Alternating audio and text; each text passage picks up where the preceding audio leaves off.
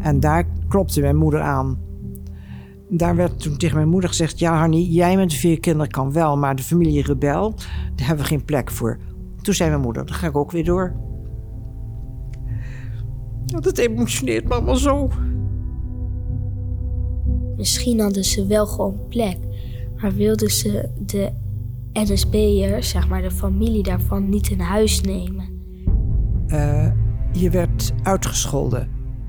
Uh, ik mag niet met jou spelen, je bent een vuil NSB-kind. Wij mogen niet met jullie spelen. Vreselijk. Want eigenlijk kan zij er eigenlijk helemaal niks aan doen dat de vader bij de NSB zat. Want het is niet haar schuld.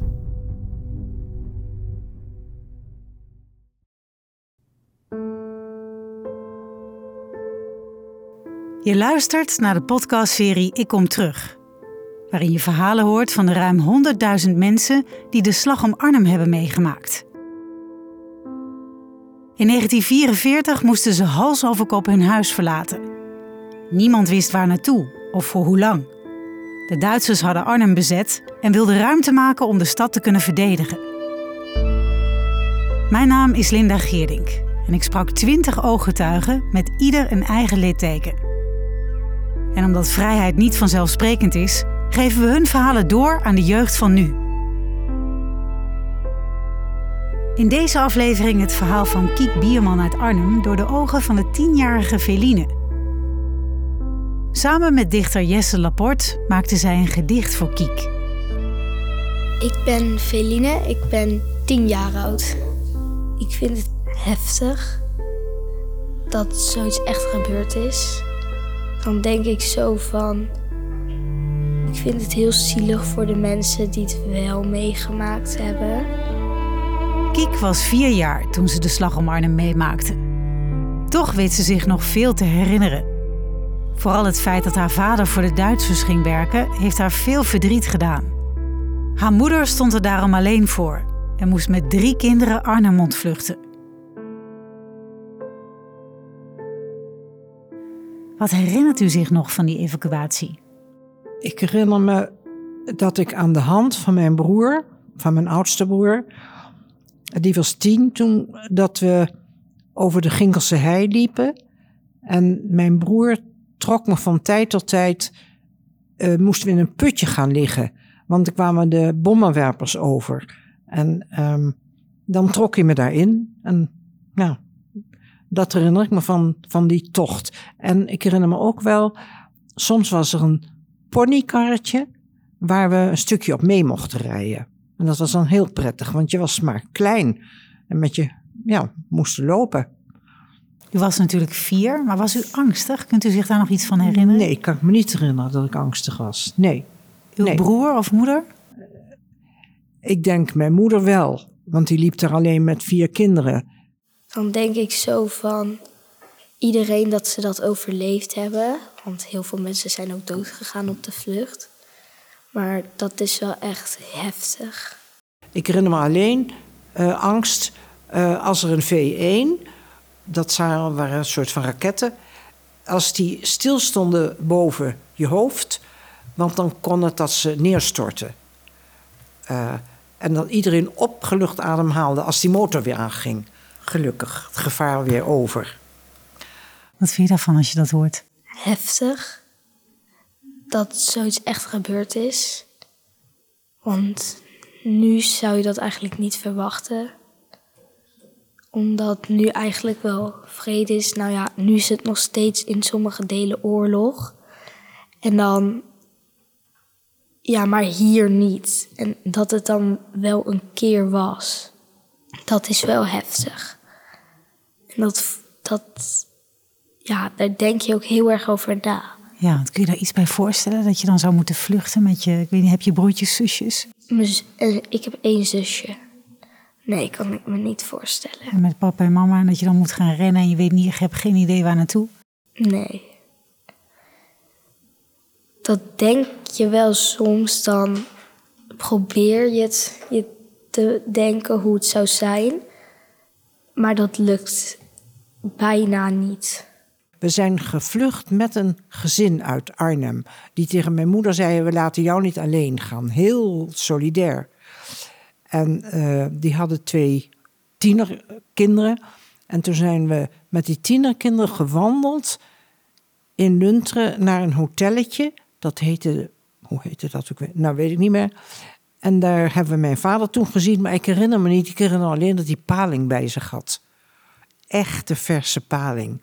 Dat herinner ik me wel. En dat het heel lekker was. En dat was natuurlijk, ja, in de oorlog kreeg je dat natuurlijk niet. Uh, dus dat was, ja, dat was heerlijk. Uh, dat herinner ik me wel. Um, maar ik herinner me geen gezicht van mijn vader toen. Nee. Gek hè, dat ze zo weinig te eten hadden en dat je dan zo blij kon zijn met een paling bijvoorbeeld. Ja. Waar zou jij heel blij mee zijn geweest? Zalm of broccoli, zoiets. Ja, want stel je voor dat je dan heel lang niks kan eten. Ja, ik heb ook uh, gehoord dat mensen, zeg maar, dat ze heel lang niks gegeten hebben. En dat hun maag dan, zeg maar, ja, kleiner is. En toen van de bevrijding, toen krijgen ze heel veel te eten. En toen kregen heel veel mensen buikpijn. Omdat de maag was, zeg maar, kleiner geworden.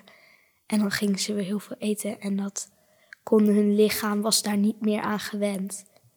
En dat lijkt me heel lastig om constant in honger te leven. Van, vanuit Schaarsbergen zijn we doorgelopen naar Ede. En daar konden we overnachten bij de familie van die achterburen van ons met wie we dus meeliepen.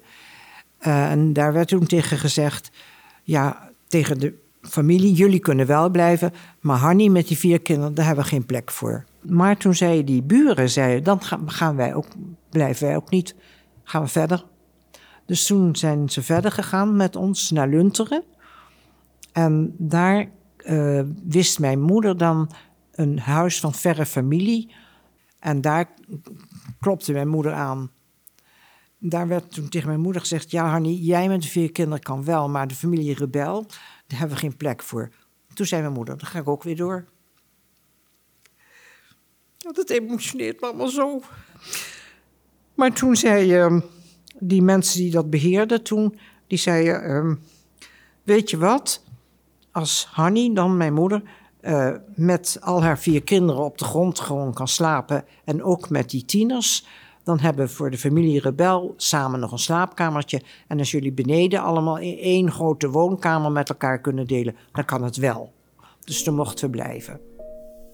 Ze werd heel emotionaal, want ja, ik weet het niet, maar misschien was het bij dat huis dat ze de ene familie wel wilde. Want ik weet niet of hun ook NSB'ers waren. Maar misschien omdat hun er geen waren, mochten hun wel blijven. En misschien hadden ze wel gewoon plek. Maar wilden ze de NSB'ers, zeg maar de familie daarvan, niet in huis nemen. En dan, ik vond het wel aardig van die buren dat ze er voor elkaar waren. Want dat is natuurlijk ook niet altijd voorzelfsprekend in de oorlog. Zou jij mensen binnenlaten? Dat is een uh, lastige vraag, want dat weet ik eigenlijk niet, want ik heb het nooit meegemaakt. En misschien denk ik nu van, ja, tuurlijk. Maar misschien zou ik in de oorlog denken van, zou ik daar veel meer over nadenken. Nu zou je gewoon zeggen, ja. Maar misschien was het toen dat je echt heel lang goed erover na moest denken. Omdat natuurlijk alles zo fout kon zijn. Want jullie zaten daar dus met 40 andere evacuees? Ja. Hoe ging dat eraan toe? Um, ieder had wel zijn eigen kamer. Um, en ik. We speelden, mijn zusje en ik moesten altijd morgens naar buiten om hout te sprokkelen. En dan kregen we het hartstikke koud. En dan gingen we naar de stal, want bij zo'n landgoed was ook vaak een moestuin en er waren koeien. En dan gingen we naar de stal bij de koeien, want daar was het lekker warm. En dan kregen we van de knecht kregen we kippenmais. En dat was heerlijk, want je had toch wel honger kennelijk. En dan ging je lekker tegen de koeien aan liggen? Ging lekker, dat was lekker warm. Ik herinner me uh, een moment van uh, verdriet, uh, van angst. Mijn moeder was op hongertocht gegaan met een oude fiets, zoals dat dan ging. En toen ze bijna thuis was, hebben de Duitsers de fiets en alles afgepakt. Dus toen had ze de hele dag voor niks uh, aardappelen gekregen. Dat hebben de Duitsers allemaal ingepikt. En ik herinner me nog dat mijn moeder doodmoe thuis kwam en daar bij de kachel zat te huilen. En als je als kind je moeder ziet huilen, dat is niet fijn. Dus dat zijn verdrietige herinneringen. Ja. En hoe moeilijk was dat dat hij voor de NSB werkte? Hoe lastig was dat voor jullie als gezin? Vooral na de oorlog. Uh, in de oorlog vooral voor mijn moeder. Want ik wil het wel verhalen um, dat uh, als mijn moeder in de bus kwam... en dan gingen mensen ergens anders zitten. Die wouden niet naast haar zitten. Want ze was een NSB-wijf, zo heette dat toen. Maar dat herinner ik me natuurlijk allemaal niet. Um, maar uh, als je zegt, hoe was dat voor jullie? Uit de oorlog herinner ik me dat helemaal niet. Maar na de oorlog, toen is de ellende begonnen. Je werd uitgescholden. Uh, ik mag niet met jou spelen, je bent de vuil NSB-kind. Dat gebeurde op onderweg naar school, want we liepen naar school. We woonden toen in Lunteren, want daar zijn we gebleven. Ik liep altijd maar gauw door met mijn zusje, die was dapper. Die trok er klomp uit en die sloeg erop. Die liet het niet zeggen. Vreselijk. Want eigenlijk kan zij er eigenlijk helemaal niks aan doen dat de vader bij de NSB zat. En dat ze dan wel wordt uitgescholden. Want het is niet haar schuld. En wat je er ook van overhoudt, um, is dat je anders bent. Dat je er niet bij hoort. Um, het ingewikkelde is, ik kom wel uit een nette familie, maar je hoort er toch niet bij. Bij die nette mensen hoorde je ook niet meer. En in het dorp hoorde je er ook niet bij. Dus dat gevoel van ik hoor nergens bij, dat heb ik heel lang gehad. En wat is heel lang? Ik denk misschien toen ik een beetje zestig werd, dat ik ook durfde zeggen dat mijn vader bij de NSB was geweest. Als je bedenkt dat ze in de oorlog vier jaar oud was en dan zestig, is wel een lange tijd. Je had een geheim te verbergen. En dat geheim, eh, als, je, als mensen maar niks vragen. En ik weet dat na de oorlog, dan vroegen ze wel, waar is je vader eigenlijk? En op een gegeven moment was ik zo zat van al die vragen. Toen heb ik verzonnen dat mijn vader dood was. Dat hij omgekomen was. Moet je denken van de fantasie als kind heb. Ik, hij was omgekomen bij een vliegtuigongeluk in Australië. En dan vroegen ze verder niet, vonden ze zielig dat je vader dood was. Gelukkig vroegen ze niet, wat deed hij dan in Australië? Want dan weet ik niet wat ik dan gezegd had. Maar, maar um, dat meer om aan te geven hoe na de oorlog pas alle problemen begonnen. Dat gevoel van ik hoor er niet bij, ik mag er eigenlijk niet zijn. Um, wat ik je zeg, dat is eigenlijk pas misschien overgegaan toen ik 60 was. Ik heb behoorlijk wat therapieën gedaan om toch uh, ja, dat verdriet een plek te geven. Want het feit dat je helemaal geen vader hebt gehad, is toch verdriet. Je hoort ook echt dat ze het ze moet een beetje huilen. Dat hoor je in de, haar stem. Dat ze een beetje. Ja, dat ze er wel heel emotionaal over wordt als ze erover praat. En dan vind ik het wel heel knap dat je, zeg maar, durft te praten erover. Voor mij lijkt dat ook niet heel makkelijk. En um, wat het ingewikkeld maakte, op een gegeven moment was hij weer terug. Maar dan heb je niks met hem en dan moet je, ja. En ik was een lieve, trouwe dochter. Ik ging hem wel opzoeken, maar ik had niks met hem. Hij kon niet praten, ik durfde het niet. Mijn moeder kon niet praten. En dat deel je met eigenlijk alle kinderen uit de oorlog. En dat heb ik nu niet meer. Nu durf ik je rustig te zeggen. Nou ja, mijn vader was bij de NSB. En ik vind het nooit leuk om te vertellen, want je wil liever trots zijn op je vader. Maar dat, dat kon ik dus niet zijn. Nee. Um, op een gegeven moment mochten we dus uit de schuilkelder. Gingen we allemaal naar het grote voorplein. Dat was een heel groot, deftig voorplein. En de vlag werd gehesen. Waar die al die tijd verstopt is geweest, geen idee. De vlag werd gehesen en we gingen allemaal eromheen dansen en zingen in Holland staat huis. Dat weet ik nog heel goed. Het was heel vrolijk. Grote kring, uh, dus 40 mensen. Uh, nou. In Holland staat een huis? In Holland staat een huis. Het nummer In Holland staat, staat een huis. In Holland staat een huis. In Holland staat een huis. Ja, ja, van singela, singela, hop, In Holland staat een huis. In Holland staat een huis. Dat zongen we dan.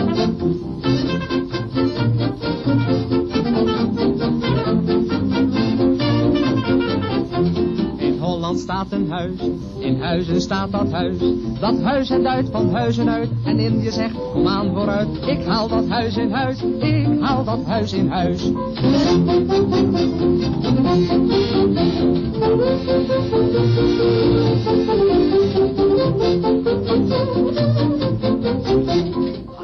En wat ik ook heel goed herinner van die dag, dat um, wij zijn toen gelopen, uh, in ieder geval met mijn moeder en mijn broers en mijn zusje, um, naar de Tommies. De Canadezen werden Tommies genoemd. En mijn moeder heeft toen verteld dat ik jarig was. En toen werd ik opgetild, mocht ik op zo'n tank zitten. En doodeng vond ik dat. Um, en we kregen chocola. En we kregen blikjes sardientjes. En daar zijn we allemaal ontzettend ziek van geworden die nacht, want dat kon je maag helemaal niet meer verdragen. Het was natuurlijk een mijlpaal van geschiedenis dat Nederland ook werd bevrijd en de rest van de wereld. En dan kan ik me ook voorstellen dat je heel blij bent. We hebben natuurlijk nu te maken met de oorlog in Oekraïne. Ja. Komen dan alle beelden weer boven? Ja. Ik zet de televisie ook uit dan. Als ik die uh, beelden zie, van die moeders met die kinderen, daar kan ik helemaal niet tegen. Net zo goed als ik niet gekeken heb uh, toen uh, met de 50 jaar of 70 jaar werd je al die uh, slag om Arnhem werd herdacht. En die film A Bridge Too Far hoef ik niet te zien. Dat zijn dingen. Nee. Daar zit toch te veel pijn. Ja. En misschien is ze dan bang dat het weer gaat gebeuren. Ja. Heb je enig idee, je hebt zoveel mooie dingen gezegd, wat je in je gedicht gaat verwerken? Ik heb Jesse heel hard mee horen schrijven. Ik wil sowieso vertellen dat ik het echt heel knap vind. En dat niet iedereen die nu in de oorlog geleefd heeft en dat overleefd heeft, niet iedereen durft daarover te praten. Dat zij dat dan wel durft, dat is wel heel speciaal. En dat je dan ook heel veel van die verhalen hoort. En dan kan je het jezelf bijna niet voorstellen. Dat is wel soms lastig. Dan denk je zo van, wat zouden ze gevoeld hebben? Of heel vaak als ik een boek lees over de Tweede Wereldoorlog, dan denk ik daarna ook zo van, als ik zou vluchten, wat zou ik dan meenemen? En dan, dat vind ik heel lastig, want ik zou het liefst gewoon alles meenemen, maar dat kan natuurlijk niet. Dus dan ga ik altijd proberen zelf iets te verzinnen wat ik mee zou nemen. Maar dat is echt heel lastig. Ik hoorde een heel mooi begin voor het gedicht. Ja. Jij? Jij ook, ja? Ja. Maar zullen we daar beginnen? Ja. Wat zou ik meenemen? Daar bedoel je toch? Ja, Deze prachtig. Ja. Je hoort stadsdichter Jesse Laporte. Hij helpt Feline bij het maken van een gedicht voor Kiek. Ik, uh, je mag hem daar iets van pakken. Die stift doet het niet meer zo goed, geloof ik. Uh, maar je wil haar denk ik ook laten weten hoe, hoe, dapper en hoe bijzonder ze is. Ja.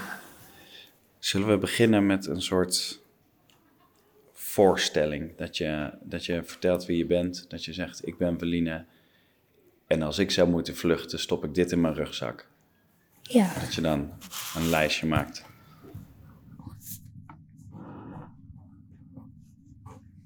Dat schrijf je mooi. Er is een fotograaf bij, dus dat is dan ook fijn.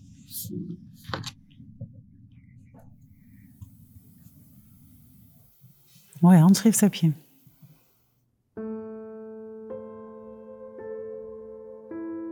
Nou, Feline, ik ben benieuwd. Ja. Ben je zelf tevreden? Ja. Ik ben Feline en als ik zou moeten vluchten, dan zou ik alles en iedereen meenemen. Maar ik weet dat dat niet kon in de tijd waar jij je kind had kindheid in heb verbracht. Ik leef nu in vrede en vreugd, maar jij leeft in angst en verdriet. Je had het moeilijk even maar. Nu vertel je over je verhaal. Ik vind je moedig en ik hoop dat je angst een beetje verdwijnt. Oh, prachtig. Ik ben er zelf ook heel tevreden over.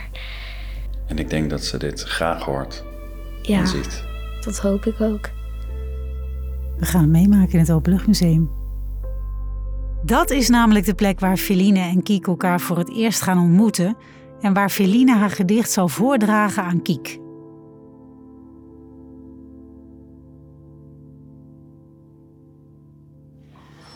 Nou, Feline, we zijn in het Openluchtmuseum. Ja. Vandaag is het zover. Ja? Spannend? Ja. Wat vind je vooral spannend? De reactie, denk ik. Maar wel leuk om haar te ontmoeten? Ja. Want je hebt het verhaal gehoord en dan zie je er ook persoonlijk. Dat is wel leuk. Ja, hè? Zullen we er maar bij gaan halen? Ja. Dag Kiek. Neem lekker plaats. Perfect, perfect. Hallo? Hallo? Wel, Er zit een jonge dame naast u. Ik had er even gezien. Ik heet Kiek Bierman ik en jij heet Feline. Feline. Ja, Mooie naam. Vind ik Feline. ook. Ja. Ik heb iets voor u gemaakt. Het is een eh, gedicht. Gedicht. Of een gezicht. Een gedicht. Een soort brief. En zal ik hem voorlezen? Vind ik mooi. Ik ben Feline en als ik zou moeten vluchten, dan zou ik alles en iedereen meenemen. Maar ik weet dat dat niet kon in de tijd waar jij je kindheid in hebt verbracht. Ik leef nu in vrede en vreugd, maar jij leeft in angst en verdriet. Je had het moeilijk, enorm, maar nu vertel je over je verhaal. Ik vind je moedig en ik hoop dat je je angst een beetje verdwijnt. Feline, Dankjewel. Wat een mooi gedicht. alsjeblieft. Dankjewel, vind ik heel lief. Weet je, als ik nu al die vluchtelingen van de Oekraïne zie, dan komt het weer allemaal binnen. Dan moet ik weer een beetje huilen. Ja. Ik dan nu omdraaien. Feline heeft nog een kleine verrassing voor Kiek. Oh, wat leuk met die foto. Het gedicht is namelijk verwerkt in een familiefoto. Ik wist helemaal niet dat jullie, jullie die foto hadden. Dit ben ik. En dit is mijn zusje, die is twee jaar ouder. Dit is mijn oudste broer, die had- nam mij bij de hand toen we gingen vluchten. Heb met hem samengelopen. En eh, hier heb ik nog een broer, maar dat kan je niet zien, dat is de foto. En dat is mijn moeder. En mijn moeder liep met ons vieren naar Ede. En van Ede liepen we weer naar Lunteren. Hoe voelde je je tijdens de vlucht? herinner ik me eigenlijk niet. Ehm, ik was nog maar net vier. En dan heb je niet zo heel veel herinnering. Ik, ik herinner me wel, toen woonden we nog in Arnhem. Toen hadden we nog niet het bevel gekregen van de Duitsers dat we weg moesten. En we hadden een groot huis. En er was een, in het trappenhuis een rond raam. En daar stonden we door te kijken naar al die parachutes die naar beneden kwamen. Dat waren allemaal Engelsen die ons kwamen. Die wouden de brug over de Rijn veroveren. Ik vond het prachtig, al die gekleurde parachutes. Vond ik spannend. Ik dacht altijd dat ze allemaal wit waren. Misschien wel. Misschien is het ook mijn fantasie, hè? Want op foto's zie je altijd dat ze wit zijn, omdat het natuurlijk zwart-wit is. Ja, ik, ik denk dat, dat ze wit waren, of groen waren ze eigenlijk, denk ik. Want er waren wel mensen die maakten jurkjes van die parachutes. Als- Oh, ja. ja, want in de oorlog had je geen spullen. nee. Nee, Eigenlijk een oude manier van recyclen. precies. Weet je, daarom ben ik heel erg eh, voorstander van recyclen. Omdat ik heb geleerd dat je niks hebt. Dus ik gooi nooit iets weg eigenlijk. Hoe oud ben jij, Feline? Elf. Wauw. Kijk, nu heeft Feline uw verhaal vereeuwigd in dit gedicht. Ja, ik vind het prachtig. Heeft u nog een laatste boodschap voor Feline? Met al uw levenswijsheid, wat moet ze ne- meenemen van uw verhaal? Feline, waarom ik toestem om dit soort verhalen te vertellen. Ik ga ook naar scholen. En dat is omdat ik hoop dat jullie verdraagzaam worden. Ik vind dat mensen niet meer verdraagzaam zijn. We zijn een hele gekleurde, wisselende samenleving met mensen uit allerlei culturen en huidskleuren, opvattingen, geloven. En er wordt zoveel gescholden tegenover elkaar. Dus ik hoop dat je dat oppikt van waarom ik mijn verhaal wil vertellen. Ja. Ja? Fijn, En ik wil nog eens zeggen, ik, vond echt, ik vind het echt heel dapper dank je. dat je durft te vertellen wat je meegemaakt hebt. Dank je, maar dat is omdat ik ouder geworden ben. Hè, dan leer je, wat kan ik eraan doen? Ik kan er niks aan doen. Ik was vier jaar. Leuk om jou te ontmoeten, vind ik dat. Feline. Ik vind het ook leuk om u te ontmoeten. Ja, goed zo. En met dit cadeau kunt u nog af en toe aan Feline denken? Ik ben er heel blij mee. En ik ben nog niet zo lang geleden verhuisd, Feline. Ik woon nu in een, dat heet een service appartement. En daar heb ik zeker een mooi plekje om dit neer te zetten. Maar ik vind het vooral zo leuk dat je op die foto hebt, het gedicht op de foto. Ja. Dankjewel voor je mooie gedicht. Alsjeblieft.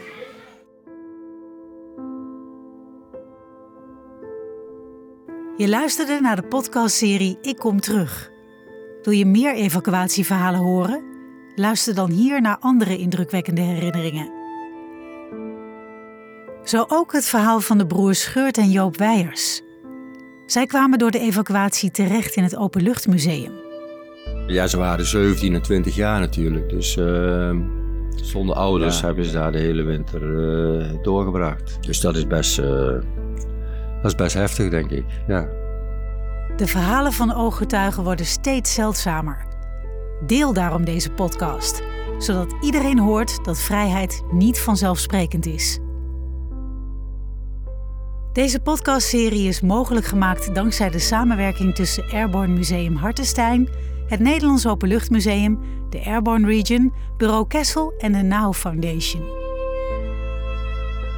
Met steun van provincie Gelderland, Programma Vrijheid, gemeente Arnhem, VSB-fonds en het V-fonds. De redactie werd gedaan door Marieke van Kessel. De montage lag in handen van Linda Geerdink. En de eindmix deed Peter Kluiver.